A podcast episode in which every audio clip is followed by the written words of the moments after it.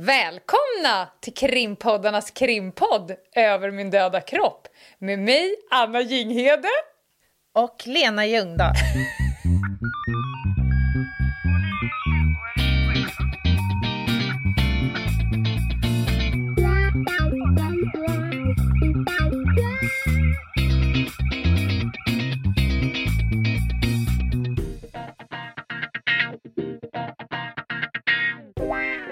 Jag har precis stått och pratat om ond bråd död i fyra timmar för ett gäng lärare. Mm. Jag har dragit Vad för lärare? Vad sa du? Alltså, vad är, vad är det för lärare?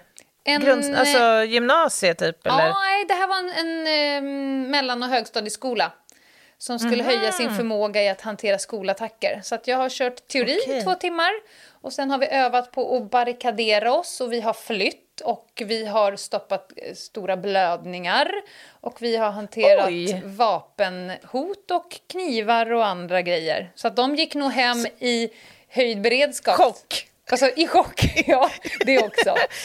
Så du, du kör liksom ett, först ett föreläsningsupplägg och sen blir det workshop, kan man säga? Jajamän, vi övar praktiskt. Hands-on. Jajamän. Men alltså krävs inte det här en viss grad av förberedelse och planering? Jag är jätteförberedd. Ja, det förstår jag. Men jag tänker, alltså, det, det är inte så att ni har figuranter och... Nej, de slår har mig. du koll? Ja, ja, ja. Jaha. Mm. Du är liksom hotet? Ja. Okej, okej, jag förstår. Ja, men det är Oj. väldigt roligt. Det var roligt, för det var ett tag sedan nu. Eh, så att Mm. jag hade god energi. Det var ganska skönt att bryta av skrivandet med någonting praktiskt, konkret. Så som död. Ja, Själv gick jag upp fyra i morse och har jobbat eh, högst praktiskt Mm. i eh, 14-15 timmar eller något. Det var också ett skönt avbrott från skrivandet. Men nu, Anna, så ska vi avhandla ett ämne eh, som är blod. Mm. Det blir blod och hemoglobin för hela slanten idag, eller? Mm, det, blir, eh, det blir det. Det blir eh, mycket på temat. Har du någon avskärmning? Finns det en begränsning? Eh, Ja, men alltså jag tänker att vi måste ju ha kopplingen som berör vårt lilla tema. Mm. Alltså forensik i det här fallet. Vi är ju krimpoddarnas krimpodd. Mm. Vi vi. kan inte vika från det. nej, det kommer vi inte göra. Nej, men skämt åsido. Vi ska ju prata eh, blodbildsanalys. Mm.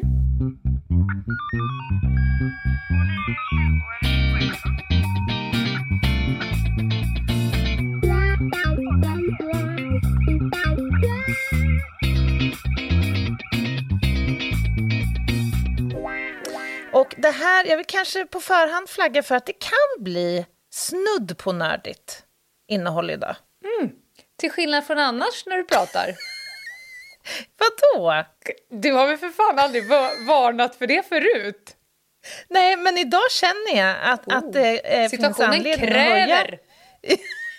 ja. Ja, men vad spännande. men, du, men du, vad har vi på blod? Vad kan du om blod, Eh, Lena? jag kan blod så som när det kommer till trauma, skador. Jag kan se till att Mm. blod stannar i folks kroppar. Ja, det är bra. Det, det är jag bra på. Mm. Eh, För vad händer om, om det rinner ur folks kroppar? ja, då dör de. Ja. Mm. Blodet utgörs av en massa olika saker, men till mesta del så är det ju blodkroppar. Och människor har någonstans mellan typ 40 och 50 procent av blodvolymen utgörs av blodkroppar, vilket är ganska mycket, i alla fall om man jämför med många djurarter eh, som brukar ha betydligt eh, lägre mängd blodkroppar. Och det här är för övrigt en princip, det händer ju att vi kommer till en brottsplats och kan se vad vi tror är blodiga besudlingar. Och då kan vi ju förpröva det här som eh, för blod och få också ett positivt utfall. Alltså det finns kemiska lösningar som man kan eh, lösa det här på helt enkelt. Men vi kan ju inte alltid vara säkra på att det är humant blod. Och då har vi liksom ytterligare varianter för att testa så att vi verkligen vet att det här är människoblod och inte Hur gör liksom, man det? från djur. Det är löjligt lätt egentligen. Slicka på det. är en det. liten...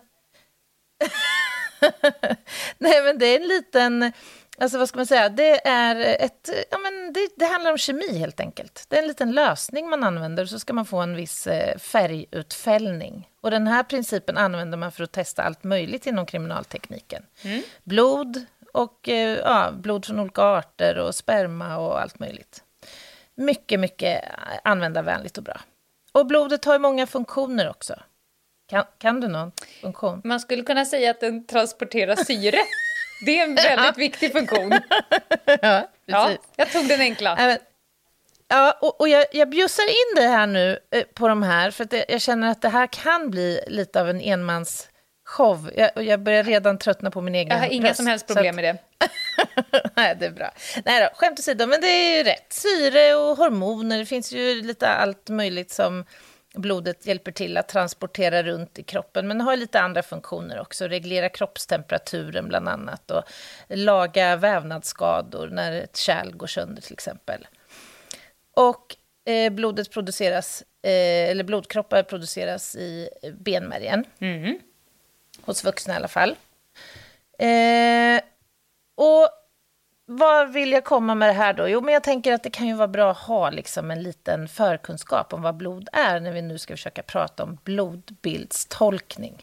Och det här är ju ett lite, vad ska vi säga, mystifierat område. Mm. Eh, det här är lite, vi, vi har ju pratat lite grann om det här med bitmärkesanalyser och några andra vad ska man kalla det, analysmetoder som har varit lite omdebatterade. Mm. Och det har även blodbildsanalystekniken varit eh, under ganska många år. Men på senare, liksom, vad ska man säga, sista decennierna så har ganska mycket forskning gjorts och man har också på något sätt internationellt försökt att samla erfarenhet och kunskap och nu byggt upp en ganska hög grad av, av just kunskap som är faktabaserad om om hur blod beter sig och hur det beter sig i anslutning till kriminellt våld. Mm. För det är ju de situationerna som det är intressant.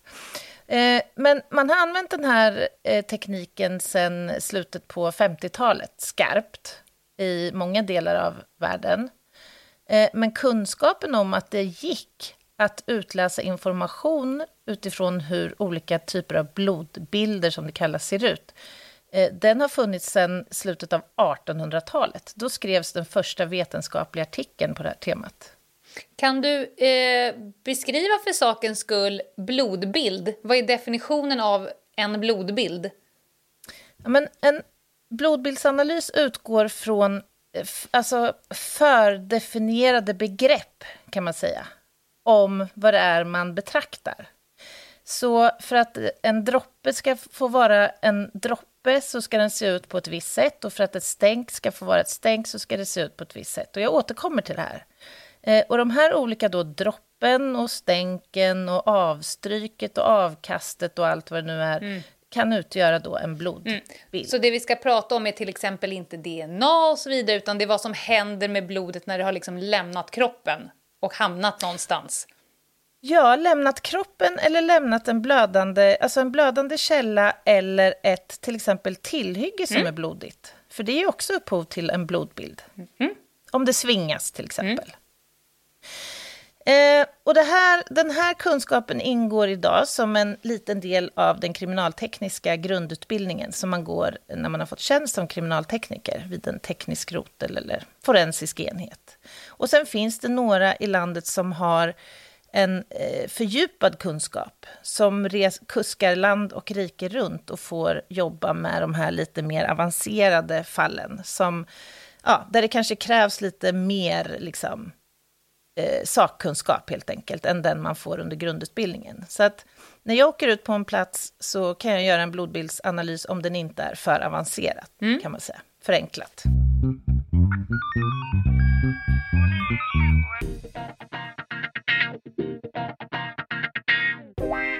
För att det här ska funka så måste man utgå från en del principer. Och det är olika lagar kan man säga. Biologiska, fysiska, matematiska, mekaniska. Alltså olika naturlagar helt mm. enkelt. Som hjälper oss att förstå varför blod beter sig på ett visst sätt i en viss situation. Och sen utgår man då från det här som vi pratade om med blodbilder där blod intar då eh, olika, olika former och olika storlekar och sen ska helst då uppvisa en blodlik färg. Och det kan jag ju säga på en gång att man, innan man ger sig kast med att göra en blodbildsanalys så har man naturligtvis försäkrat sig om att det man analyserar faktiskt är blod. Mm. det har faktiskt hänt. Jag har jobbat med ett ärende där jag lurades att tro att det jag tittade på var blod, men det var i själva verket någon form av bets som man hade målat väggar oh, med. Men som där man hade skvätt iväg så det såg ut som blodstänk på, på väggen, fast det var det inte. eh, och eh, det är inte bara förekomsten av blod som är intressant att titta på, utan även om det saknas blod där det förväntas att finnas, mm. så att säga. Har du några frågor så här långt, Lena? Det har jag, men jag vet inte om jag ska... Jag håller på den lite. Jag tror att den passar bättre in senare. Ja, men du, du bara liksom tar för dig mm, mm, mm. när, du, när du vill ha ett break. Eh, varför ska man göra det här då? Blodbildstolkning, varför är det viktigt? Ja, men det finns ju... Ja. Jag tror det var en fråga. Jag hade en gissning bara. Eller gissning. Ja, kör. Jag, jag, en kvalificerad gissning kan jag nog kalla det. Jag tror att man kan få fram ganska mycket information om vad det är som har hänt genom att titta på hur det här uh, blodet uh, är placerat. Det kan ge en indikator på hur våldet har skett eller var personen har stått, riktningar och hastighet och allt sånt där. Ja, ja men det är helt rätt. Alltså, om en person avger någon form av utsaga om ett visst händelseförlopp där någon eller flera har fått blödande skador så kan man ju så att säga få en bild eller en uppfattning om vad man förväntar sig att se på, på en plats. Hur, specifik, hur nära kan man komma? Nu pratar vi CSI-effekten, för de kan ju säga så här, gärningspersonen var 1,93,5 lång och stod 70 centimeter sydväst om personen. Mm. Och högg tre gånger med sin vänstra hand i den här riktningen. Ja, alltså först och främst så, så måste man förstå hur vi beter oss när vi skriver ett protokoll. Vi kommer aldrig säga eller påstå att det har gått till på exakt ett visst sätt. Nej. Utan vi kommer bryta ner våra iakttagelser, alltså våra fak fakta från en platsundersökning, kommer vi bryta ner och utvärdera och värdera. Så då kan vi säga så här att närvaro av bloddroppar i, till vänster om diskhon talar starkt för att en person med en blödande skada har uppehållit sig där. Mm. Ungefär så. Och sen så kan man ju då bryta ner alla de här delarna och värdera dem ett för ett och sen göra en sammantagen bedömning där man liksom värderar alla ens, vad ska man säga, analyser till en då, så det blir någon form av slutsats om ett händelseförlopp. Nu ska jag ställa kanske en, en uppkäftig fråga. Men känns, i och med att eh, ni är lite likadana som läkare, tänker jag, så att ni lovar ingenting som ni inte vet till tusen procent. Eh, mm. Känns det ibland som att ni skriver saker som är direkta självklarheter, som någon med två hjärnceller... För ibland kan man säga, ja, eh, det ligger en blodpöl bredvid personen. Det talar starkt för att personen har blött. Ibland blir det lite så, tycker jag, när jag läser de här. Man bara, mm. ja, ja, det är ju blod där. Hur lång utbildning har det gått, sa du, för att ja. komma fram till det här? Men eh, det innebär ju inte att man... Alltså man har ju fortfarande olika alternativ, alltså mothypoteser. Mm. Vi ställer upp en hypotes som vi värderar utifrån fakta. Mm. Men Eh, i det här resonemanget måste ju också ingå andra möjligheter. Kan man till 100% säkerhet utesluta att någon har varit på den här platsen och faktiskt hällt ut blod mm. just där?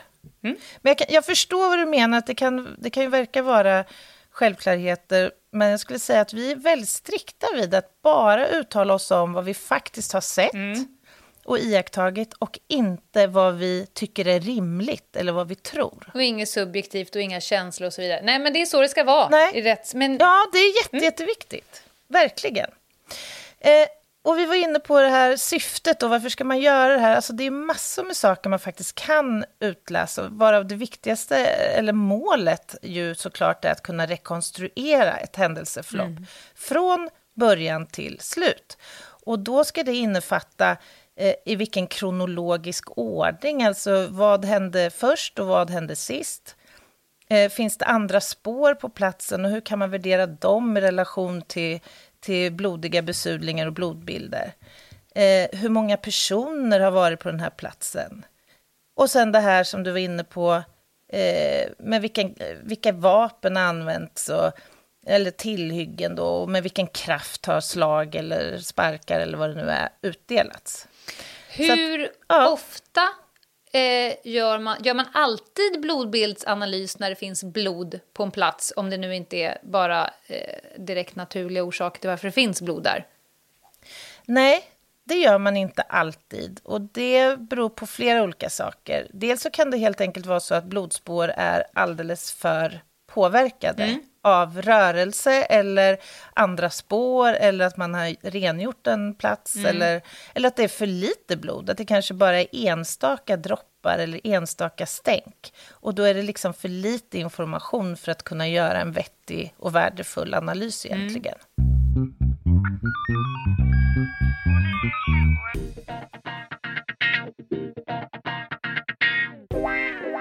Jag skrev faktiskt ihop lite snabbt ett scenario bara för att våra kära lyssnare ska förstå liksom, i vilken typ av situation det här kan vara värdefullt. Mm.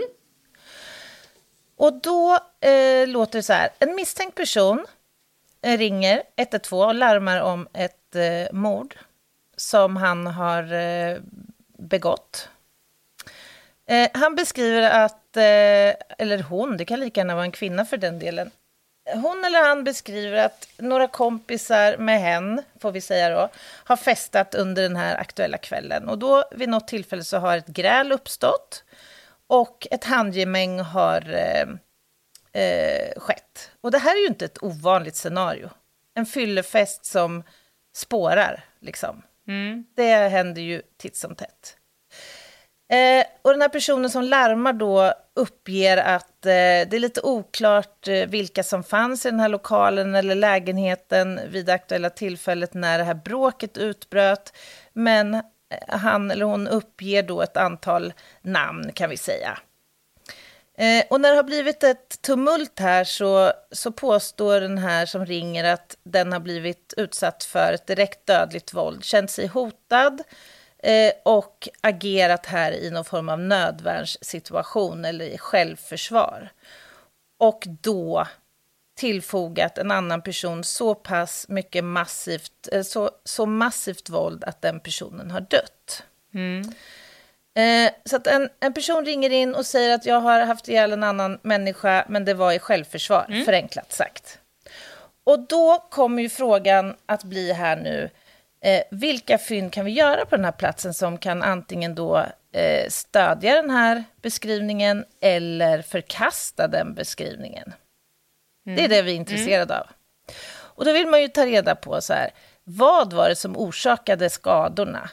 Låt säga att eh, inringaren beskriver att det är en kniv han eller hon har fått tag i här. Och då vill vi ju också få det bekräftat såklart. Och även att det är den typen av våld vi kan se på offret ett skärande knivvåld. Mm.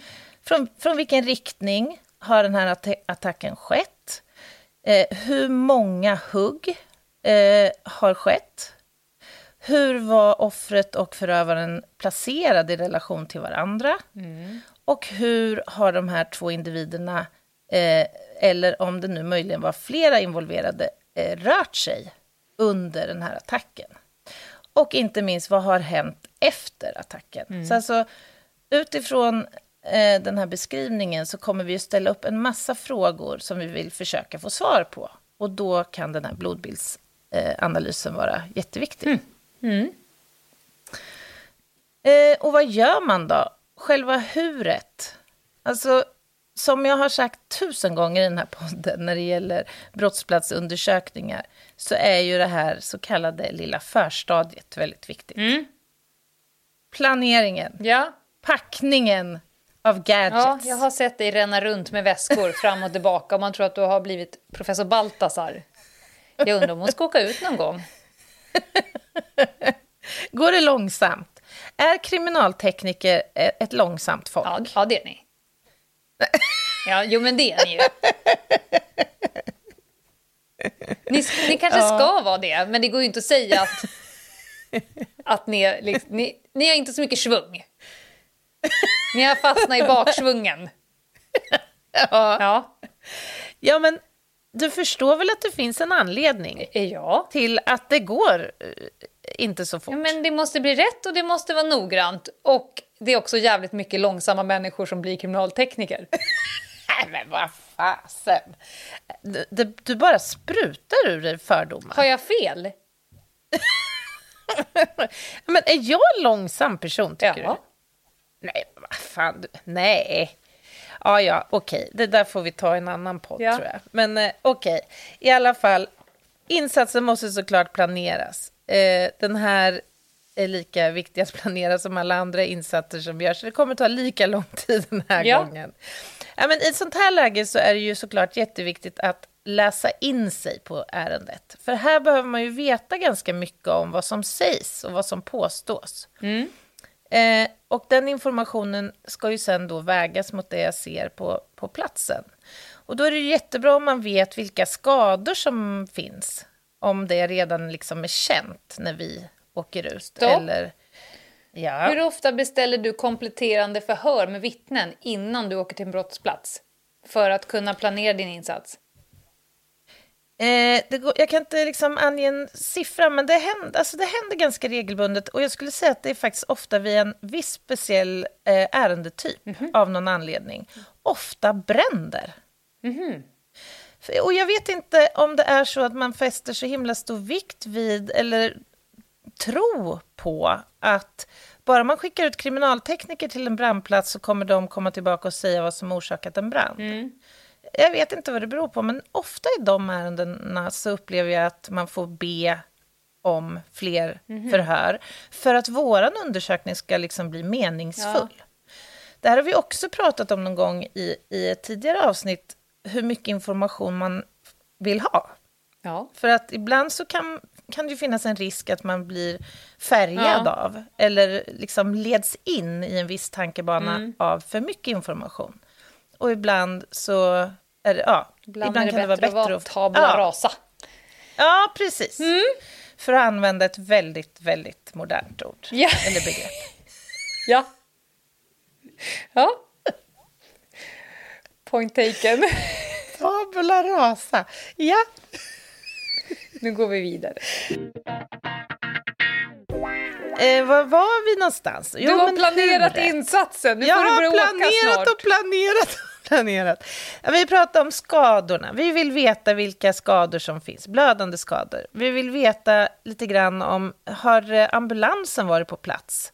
Har andra patruller varit där? Kanske räddningstjänsten har varit ute? Vet du för övrigt att räddningstjänsten åker ju väldigt ofta numera på hjärtstopp? Mm. Vi märker det i Örebro att det är en rejäl ökning och det är ju jättebra såklart att det liksom finns en beredskap för de här fallen. Men vi märker ju också att det riskerar ju påverka våra brottsplatser mer. Ambulansen har ju liksom ett tänk på ett annat sätt, skulle jag säga, mm. av tradition än vad våra kära röda mm. har. Du menar att de klampar runt lite mer? Ja, men alltså, det finns ju kanske inte riktigt den där eh, medvetenheten. Tomten från slangen kom. Och så kör de bara. Sen bara rullar ja. de ut. ja. Eh, och sen när man kommer till den här platsen då så kommer det ju kunna för en lekman förefalla vara väldigt rörigt när det är just mycket blod. Mm. Och man kan ju säkert tänka, tror jag, att hur ska man kunna utläsa någonting av det här sammelsuriet av då blodbilder. Men så det kan man. Men det gäller att man är lite systematisk här. Man måste gruppera dem och försöka få en ordning i kaoset så att man eh, liksom inte ger sig på den hela stora bilden utan faktiskt delar upp och tittar i små avsnitt kan man säga. Det där är en vanesak också. Eh, det var jag inne på på föreläsningen ikväll. Alltså en människa har ju kanske i snitt av fem liter blod. Men ögat mm. vill gärna tala om för dig att det här måste vara minst 60 liter. För att det kan ja. ju se ut som eh, Stockholms blodbad. Men, men är det en person så, så kan det inte vara mer än x antal liter. Exakt, och jag vet inte hur många gånger jag har åkt ut på brottsplatser där ingångsvärdet har varit exakt mm. det där du säger. Slakt. Det ser, ut som, ja, det ser ut som Stockholms blodbad på den här platsen. Sen kommer man fram, då är det fyra droppar mm. som ligger på ett Men det är något med oss där, det, det känns så ju. Jag har, varit, jag berättade om det i något avsnitt, mm. den här störtblödningen jag var på. Med den här uh, tantaluran mm. som hade sprungit runt med en tre liters box med chill out rödvin också. Ja, som hade läckt. Ja. För då tänkte jag så här, nej men nu är det lite mycket. Även om hon faktiskt dog av störtblödning. För då kan det se lite makabert ut. Ja, men verkligen. För då sprutar det ju åt alla håll kan man nästan... Ja. ja. Det är ju ett bra Och tryck. Sen... Men, men ja. vi... Eh, jag fick en liten konstig min idag när jag beskrev det här. Jag använder mig ganska mycket av pannkakstricket för att försöka lista ut hur mm. mycket blod det är på en plats. En ja, kan du inte dra pannkakstricket igen? Det är igen? jättebra. Repetera. Alla människor vet hur stor en pannkaka är som tillverkas mm. i en mm. stekpanna. Och alla mm. människor vet att den är ungefär en deciliter smet. Så mm. en pannkaka, en deciliter. Så att när jag är på väg fram, trafikolyckor eller döda personer och försöker lista ut då, nu tänker jag att de kanske inte är döda än, utan jag vill veta hur bråttom har jag för att stoppa blödning? Ska jag dra ett mm. avsnörande förband eller kan jag lägga tid på att tamponera? Eh, då räknar mm. jag pannkakor. 1, 2, 3, 4, 5, 6, 7, 8. 8 pannkakor, chill. Det är 8 deciliter. Jag har god tid på mig. 16 pannkakor, alltså, bråttom satan! Dra ett avsnörande förband nu, fort som tusan. Ja. Pannkakssticket, ja, men, briljant. Ja, det, det är briljant, ja. verkligen. Nej, men jag tror att det här är ju lite med, med blod, dels är det ju rött och det är ju lite så alarmerande mm. för, för oss. Eh, och sen så är det klart att även om man bara inom citationstecken har blött, låt säga en halv liter. Mm.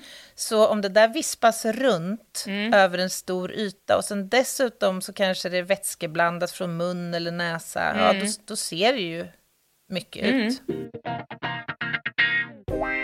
Var var vi, Lena Ljungdahl? Eh, vi var på räddningstjänsten och ambulanserna. Just det, vi var på räddningstjänsten och ambulanserna. Ja, nej men, jo, vi pratade ju om eh, gruppering av eh, blodbilder, försöka få en struktur, en liten ordning mm. i kaoset här. Eh, och sen har man ju då vissa utgångspunkter när man kommer fram. Jag var ju lite inne på de här naturlagarna. Eh, men man kan också försöka gå in lite mer på djupet vad det är som, som är viktigt här. Och det är ju en kunskap om att blod har ungefär samma eh, viskositet eller mm. tröghet som vatten. Mm.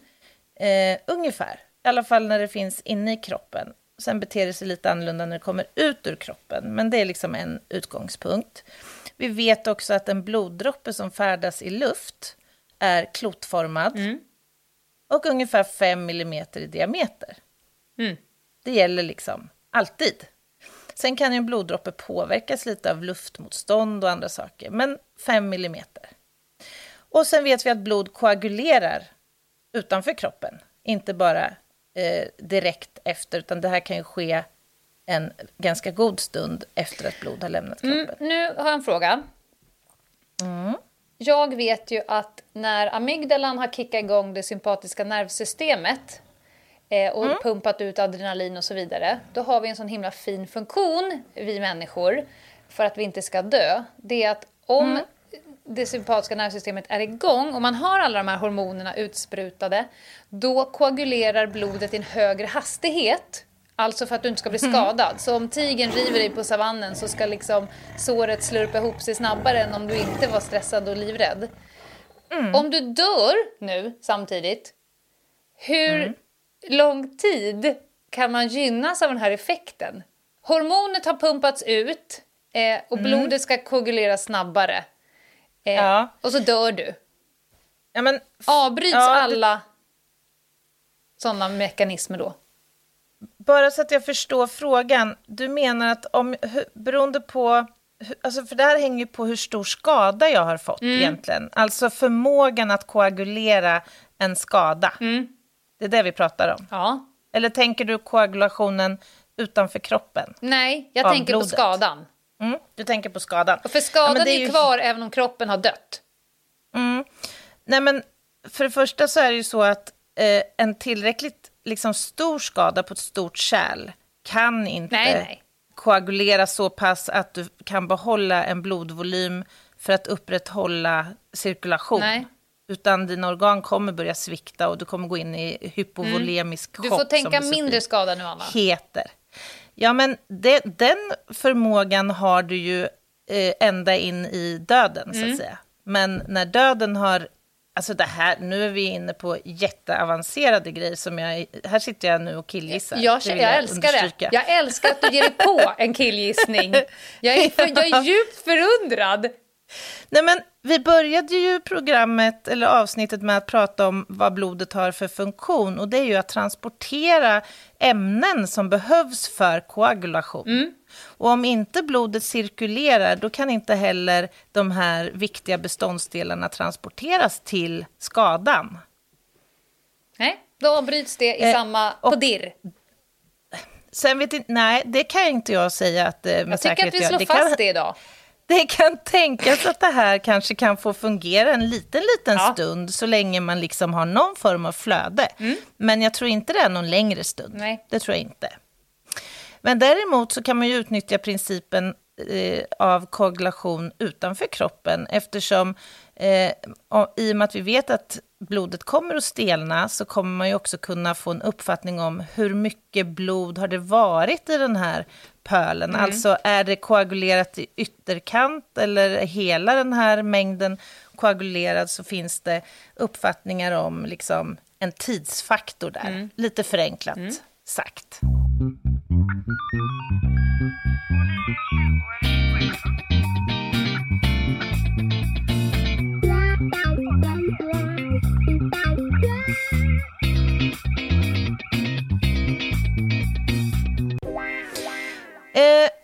Prata lite grann om då vad det är man kan se på den här platsen? Alltså de så kallade blodbilderna. Då brukar man prata om aktiva blodbilder och passiva blodbilder. Jag ska strax förklara varför. Och de här aktiva och passiva kan finnas i en blandning. Att det finns ofta både aktiva och passiva på en plats.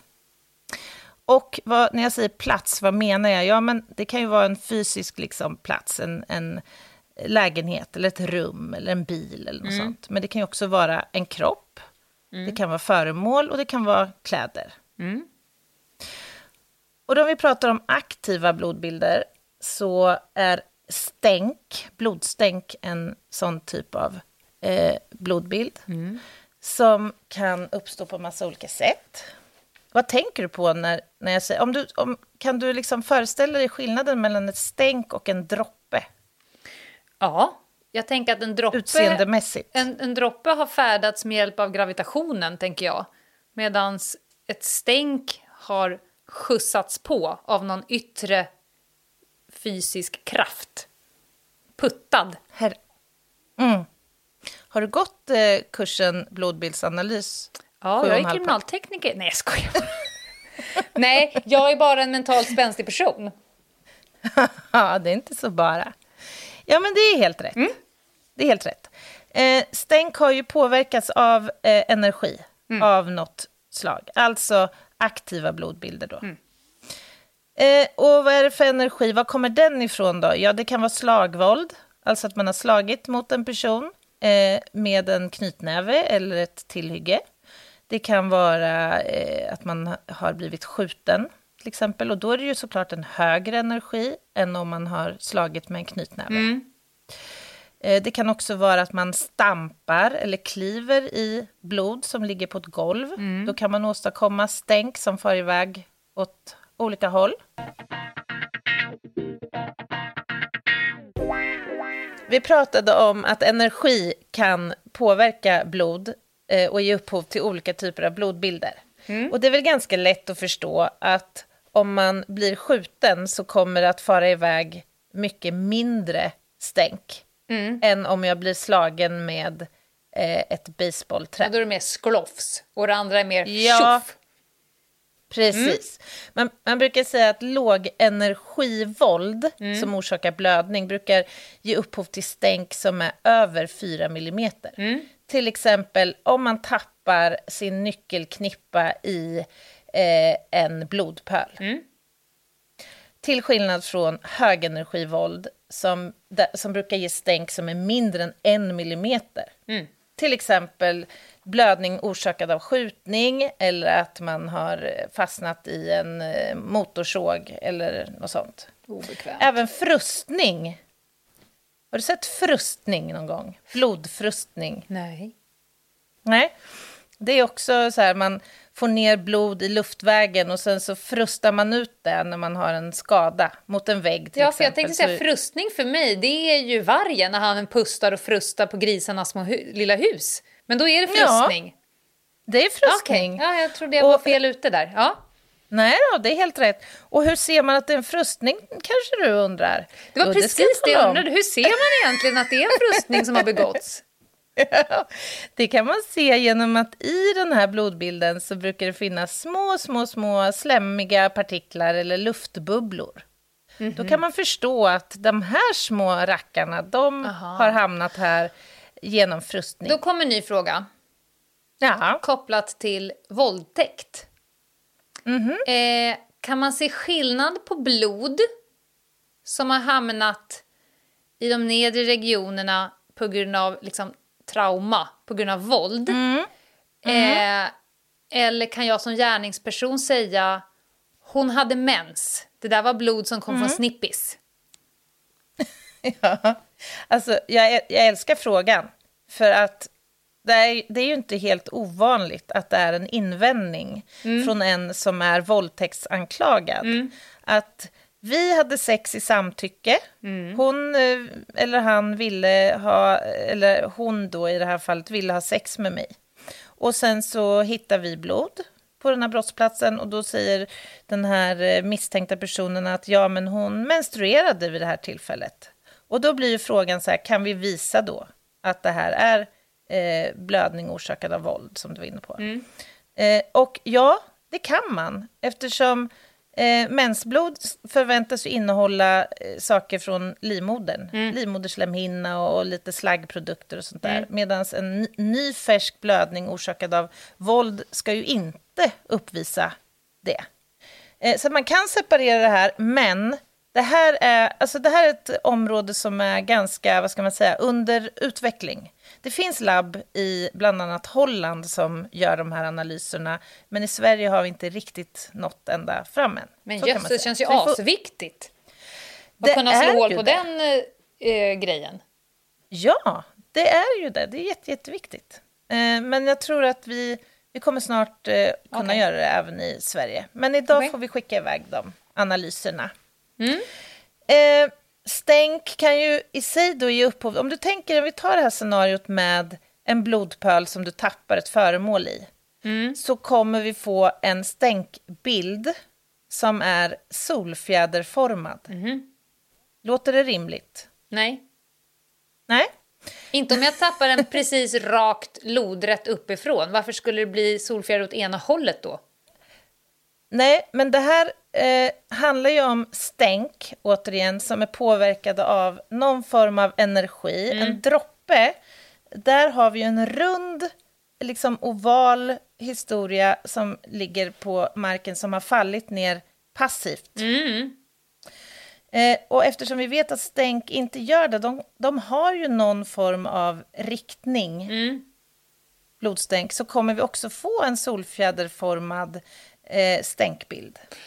Du Men är det själva droppen som är solfjäderformad? För om jag slänger Nej. nycklar, eller tappar par nycklar rakt ner, så vad är det Mm. som gör att stänket från blodpölen färdas åt ena hållet och inte åt andra hållet? Det, det är vinkeln Ja, med det vilken måste finnas en föremålet vinkel. kommer träffa Ja, eh, pölen. Mm. Eh, och det här gör att du kan beräkna ett ursprungsområde. Mm. Alltså, ja, förstår du vad jag menar? Mm. Fysik och Eh, biomekanik. man- Mina Precis. två tråkigaste områden. Ja. Och det här, du har säkert sett Dexter och CSI. Nej. När de gör det här. För vad gör de? Jo, de drar trådar. Från s- varje litet stänk i den här solfjäderformade stänkbilden så drar de en tråd från liksom... Ja, från varje stänk så drar de en tråd så att de här samlas någonstans. Förstår du? Alltså de, Ja. Du måste backa tillbaka här nu då, så att du kan samla alla trådar och då kommer du få en, en uppfattning om varifrån eh, stänket har sitt ursprung. Vad är det för trådar ni använder? Ja, det är vanliga, man kan ha vanliga garntrådar. Och sen laser kan man, alltså det finns massa olika eh, bra sätt att göra det här på. Det här är lite överkurs, men bara så att man förstår att man kan utläsa ganska mycket från en enstaka Ja, det är stänkbild coolt. på en brottsplats. Ja. Har de en titel, de som är blodbildsproffsen? Du sa att det var Eh. några som åkte land och rike runt. Va, va, vad står det på visitkortet? Jag tror att det står... Alltså BPA är det internationella begreppet och på svenska alltså blodbildsanalytiker eller Okej. möjligen blodbildstolkare Okej. faktiskt. Ehm, mm, förstod du det där med skillnaden mellan droppe och stänk? Alltså, ja, vad bra. Om det här lilla klotet träffar ett underlag, alltså bloddroppen träffar underlaget i en vinkel, så kommer det ge upphov till en oval form, alltså stänk.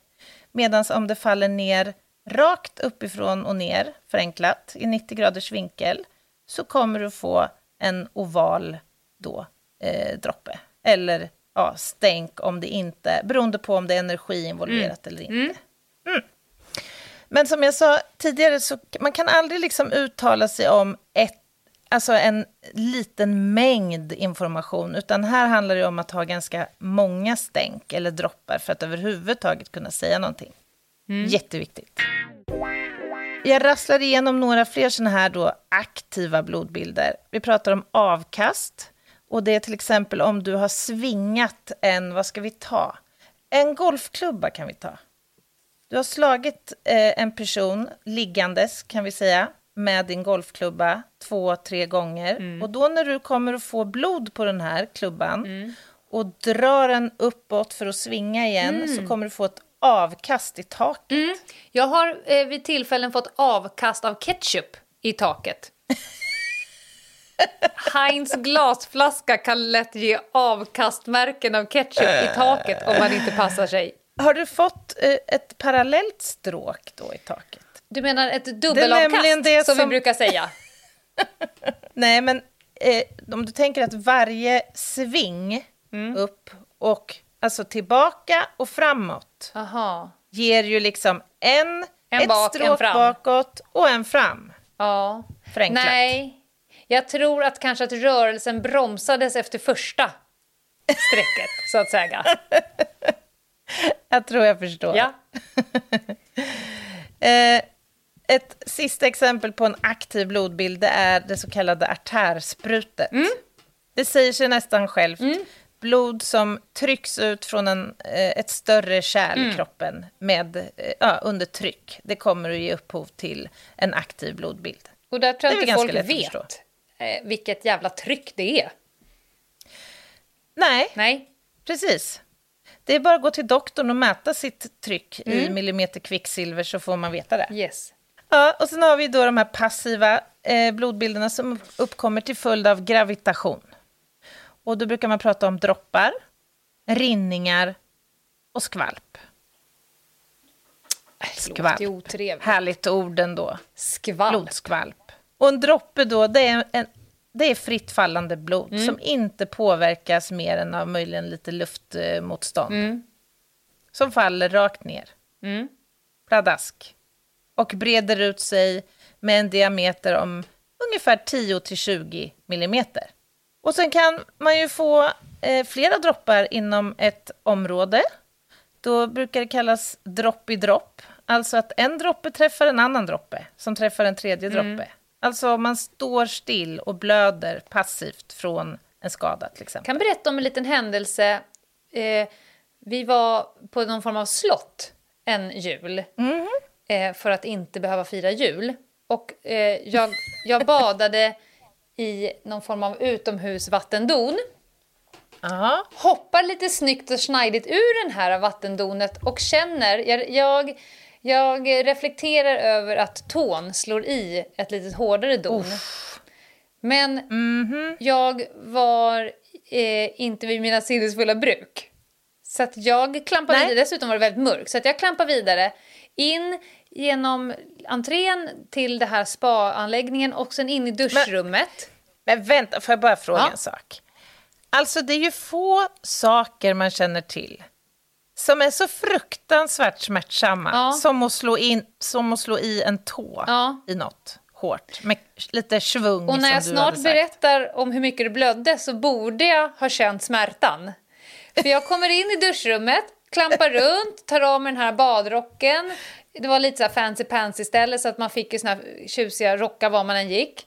Sen när jag började Ja. duscha så tittade jag mig runt omkring och bara, men dra åt helvete vad mycket blod. För då har det också blandats upp med vattnet som är på golvet i Ja, ett jag duschrum. förstår. Då blir det ju ännu Ja. mer, lite ljusare. Då ser det mer ut, ja. Mm. Varpå jag skriker till min man, eh, kan du gå upp till receptionen och hämta någon? För att jag tänker att de måste, behöva, de måste ju spärra av badrummet. För nu är, det, nu är det mitt blod. Mm. Det är en brottsplats som jag har att göra med det är en här. brottsplats. Och då kommer det ner en tjej, alltså hon kan ha varit i 20-årsåldern, förmodligen åkt på straffkvällen, julafton. Kommer Mm. ner och så säger jag så här, eh, jag har slagit i tån, min tånagel var ju på trekvart. Eh, Mm. Och det råkade bli ganska mycket blod här så att ni, vet du vad hon gör då? Då tar hon Nej. två nya såna här fluffiga dyra morgonrockar som ligger där, tar hon två, Aha. Lägger dem på blödningen. golvet, ställer sig med en fot på varje morgonrock och likt Pippi Långstrump börjar... Hon haschar. Hon haschar! Ja. Och jag står dripp, dropp, dripp, vad kallar du Dropp i dropp, dropp i dropp, dropp i dropp. I dropp. Men och tittar på, bevittnar detta när hon torkar upp allt blod med de här två morgonrockarna på fötterna, tar morgonrockarna, stuvar ner dem i den här fina träkistan där man lägger sin använda. Vad trevligt. Och sen säger hon, nej men sådär, det var ju bra. Jag bara, ja. ja. ja, det är inte hennes problem längre. Nej. Det blir någon annans problem. ja. Jag bara, jag tycker det är tur ändå- att man är testad mot alla sjukdomar. Ja, men jag tycker ändå det var gulligt att hon offrade två fina Ja, frotté handlingskraftigt. handdukar. Ja, Det verkligen. Ja. Nej, men dropp i dropp. Och det är ju då när droppar träffar varandra i, i, inom en begränsad eh, yta. Och då är det ju lätt att förstå att när de där träffar varandra, då kan det bli stänk som skjuter iväg Ja, åt okej. olika håll. Mm. Eh, sen kan man ju utnyttja den här principen då med, genom att studera det som kallas för droppserier. Alltså har man droppar eh, i, i en riktning så kan man ju få en uppfattning om om en person har rört sig blödande över ett golv eller lämnat en lägenhet och gått ut i trapphus eller vad det nu kan vara. Sen vet man ju återigen inte med säkerhet om det här är blod som kommer från en kropp eller från en blodig kniv till exempel. Nej. Eh, utan det får man ju basera mängden på någon slags rimlig slutsats om. Eh, stopp. Kan blod slurpa upp, eller det är klart det kan, men i själva blodet så kan det ju finnas material som blodet har eh, tagit till sig på vägen. Är du med på vad jag menar? Så när det, om det droppar från min kropp, när det, så länge det är i luften så till, innehåller det bara saker som kommer från min kropp.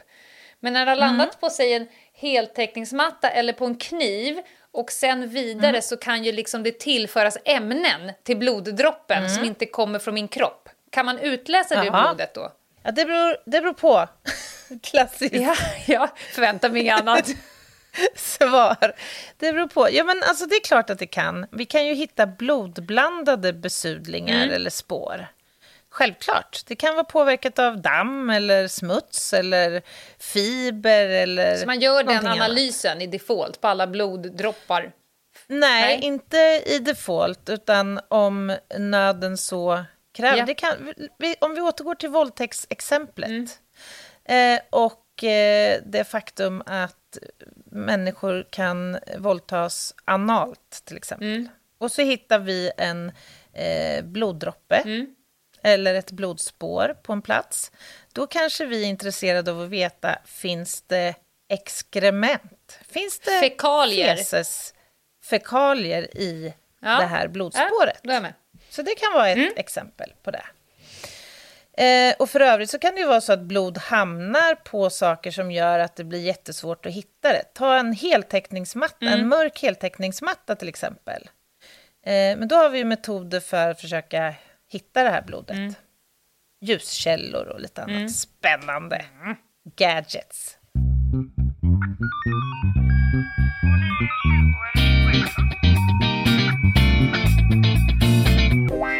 Eh, innan du somnar, Lena, så ska jag bara lite snabbt dra några så kallade kontaktspår. Det handlar om överförda blodbilder.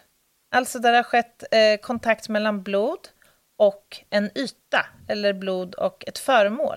Det är liksom, eh, och då brukar man prata om avsatt blod, till exempel en stämpling. Där du har blod på en sko som du sen sätter ner på en ren yta.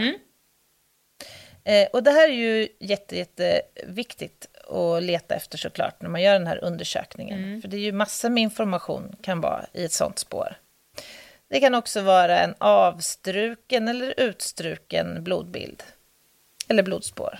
Och då handlar det, det är också lite överkurs, men det är också att blod överförs till en blodfri yta med eller utan rörelse. Så alltså, du hör ju, det, det här heter ju en massa eh, konstiga saker. Eh, Men det är ju också jätteviktigt så att vi förstår vad vi pratar om och att alla pratar samma språk liksom, när vi ska redovisa vad vi ser på en, på en plats.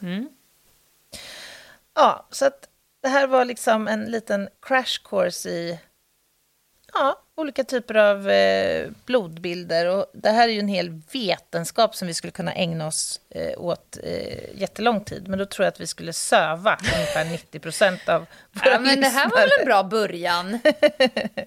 Ja, men det kanske kan inspirera till en säsong Dexter eller någonting. Där är det ju ganska mycket blodbildsanalyser och sånt som pågår, vill jag minnas.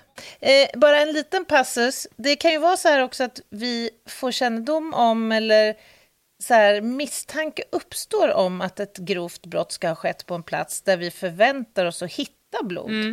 Och så kommer vi dit och inte gör det. Vi ser inte att det finns blod där. Så eh, finns det... För det, det händer ju att gärningspersoner är förslagna och städar en plats. Kanske till och med tapetserar över en vägg där det har funnits blod. Eller målar om, eller sådär. Men det finns faktiskt ganska många coola CSI-trick för att framkalla blodbilder och blodspår på kemisk väg. Eh, och det, det här är något som jag verkligen går igång på. Till exempel om man använder ämnen som kallas för luminol eller bluestar som har förmåga att fästa in i blodmolekyler så att säga och få, alltså man kan få ett stort, vad ska man kalla det, ljussken.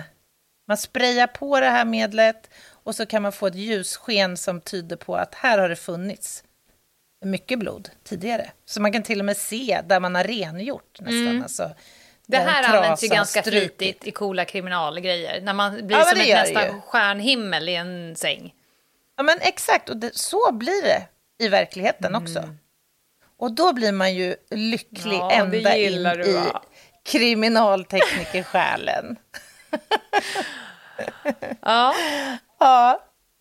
Eh, sa jag för övrigt att det såklart alltid blir intressant att göra DNA-analyser på några blodspår på en plats? Även om man har en uppgift om vilka personer som har varit på den här platsen så vill man ju få det bekräftat. tar lite stickprov. Precis. För DNA-analys. Anna, jag tänker avsluta med fun facts om blod. Åh, vad roligt. Eller fun och fun. Jag tänker avsluta med lite, lite annan fakta som du inte har fått med.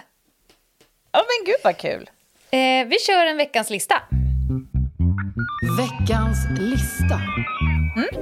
Och då tar vi på plats nummer fem. 3-4 procent av befolkningen lider av blodinjektionsfobi. även kallad BII. Blood Injection Injury. Va, va, vänta, blodinjektionsfobi? Ja, det är en översättning av engelska. Men det är alltså eh, när man svimmar av att se blod. Eller svimmar Jaha, av att okay. någon ska ta blodprov på dig. Vilket är en ganska mm. orimlig grej att göra. Så då ska jag snabbt beskriva att det som händer är att eh, man personer, vissa personer kan känna en initial stress av att se blod. Det här har jag ju mm. upplevt när jag utbildar till exempel i såna PDV-attacker, när vi pratar om hur man kan få blod att stanna kvar i kroppen. Vid ett par ja. tillfällen har jag bevittnat människor som blir väldigt bleka om nosen.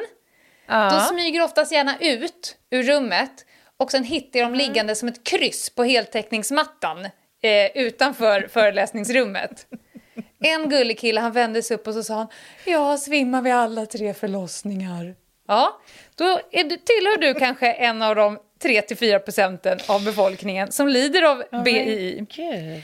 Och de som vill veta mer om det här, de kan googla på vasovagalt svar, för det är det den här processen mm. är. Just det. Och det man ja. då gör det är att man får en initial stress av att se blodet. Mm. Det här har jag beskrivit förut, att amygdalan känner rädsla, kickar igång det sympatiska nervsystemet och hjärtfrekvensen går upp. So far so mm. good. Man kan bli lite, få lite anhämtning och så. Då ska det parasympatiska systemet kicka in för att kompensera det här. Mm. Och det de här personerna har, de har liksom en överkompensation så de sänker ja. systemet för lågt. Hjärnan får för lite syre och du däckar av att se en droppe blod. Mm. Det här mm. är en jättebra egenskap att du svimmar, för då kommer du hamna i horisontalläge och blodet kommer komma upp till huvudet igen. Såvida mm. du inte gör mm. illa dig när du trillar. Så du står väldigt nära en person som är bra på att ta lyra. Du kan tänka den som stod vid brännplattan när ni spelar brännboll. Det mm. är din bästa kompis om du, tillför, om du tillhör de här 3-4 procenten. Plats... Jag tror jag förstår. Plats nummer fyra. Det tar 20 till 60 sekunder för en droppe blod att resa från hjärtat genom hela kroppen och sen tillbaka till hjärtat. Plats nummer... Det låter... Vänta, ja, ja, vänta ja, ja. Det låter ju som oceaner av tid. Ja. I, hos dig, Anna, så är det två, tre veckor. så att du ska nog inte kasta rädda igelkottar i den här ballongbutiken. Nu går vi vidare. Okej. Okay. Plats nummer tre. Kor har 800 olika blodtyper. Va? 800! Är det inte mäktigt? Fan vad opraktiskt! Ja, det är svårt när de ska hur, få... Hur går det till i Bregottfabriken? Det är jättesvårt. Ja. Exakt. Ja. Transfusion i Bregottfabriken, ja. hur fan gör de ens? Rosa, hon har ju då 0 plus minus RH negativ upphöjt till 2. Ja. Det blir så tråkigt om man skulle behöva säga en blodtransfusion då och ja. hitta en lämplig donator, tänker jag. Eller så finns... Ja, jo, det har du rätt Det blir krångligt. Plats nummer två. Allt blod är inte rött. Krabbor har blått blod. Mm. Blått blod, ja. De små royaljävlarna. Och dagmaskar har grönt blod. Vet du vad det beror på? Det är olika ämnen i det som är, har olika färg. Ja, men alltså vi har ju hemoglobin ja. i vårt blod, men andra arter har ju koppar... Basi, vad ska man säga? Kopparbaciller. Kopparbas... ja, vi, vi säger så, vi stämplar in vi har järn, förenklat, vi har järn i vårt blod, andra djurarter har koppar. Ja, förenklat. olika typer av metaller. Ja. ja från det periodiska systemet.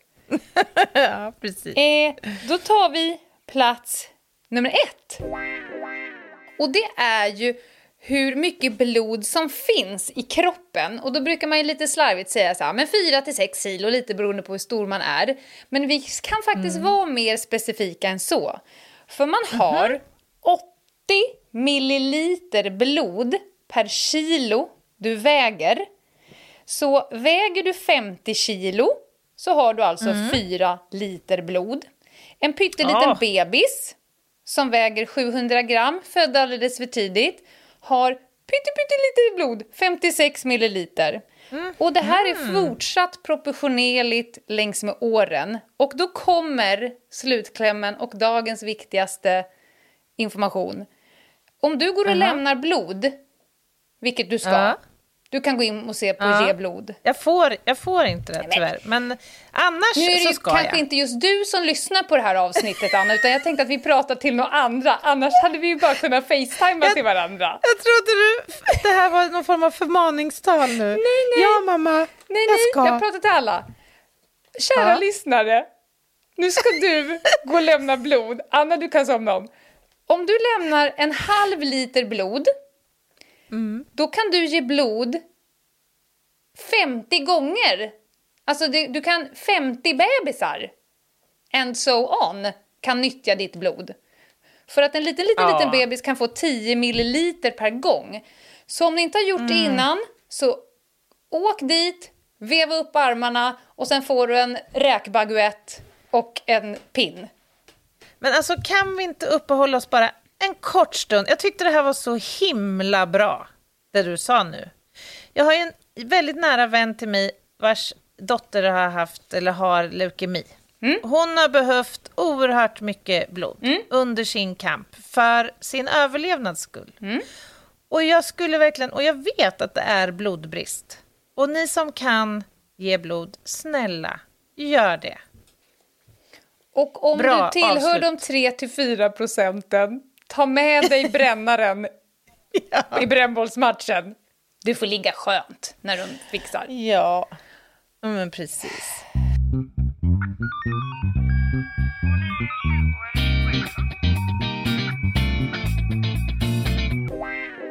Det var det. Ah, det var det. Alltså det här kan ju ha varit vårt mest fakta tunga slash nördiga va, avsnitt.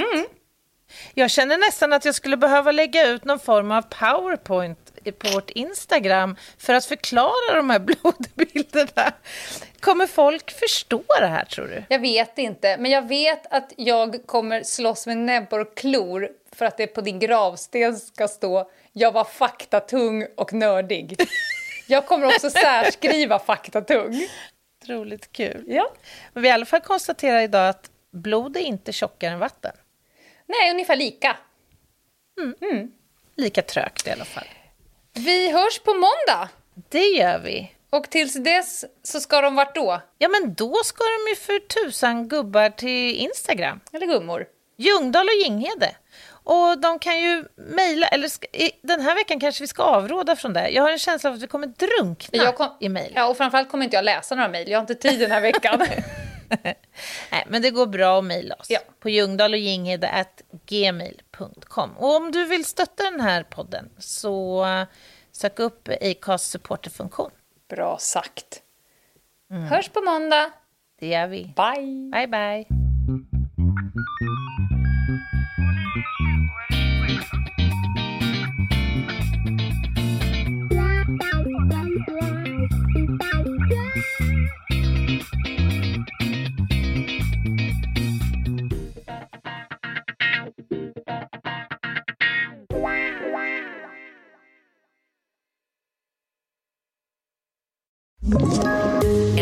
Poddtips från Podplay.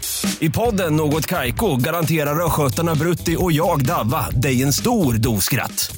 Där följer jag pladask för köttätandet igen. Man är lite som en jävla vampyr. Man har fått lite blodsmak och då måste man ha mer. Udda spaningar, fängslande anekdoter och en och annan arg rant. Jag måste ha mitt kaffe på morgonen för annars är jag ingen trevlig människa. Då är du ingen trevlig människa, punkt. Något Kaiko, hör du på Podplay. Därför är gardinerna.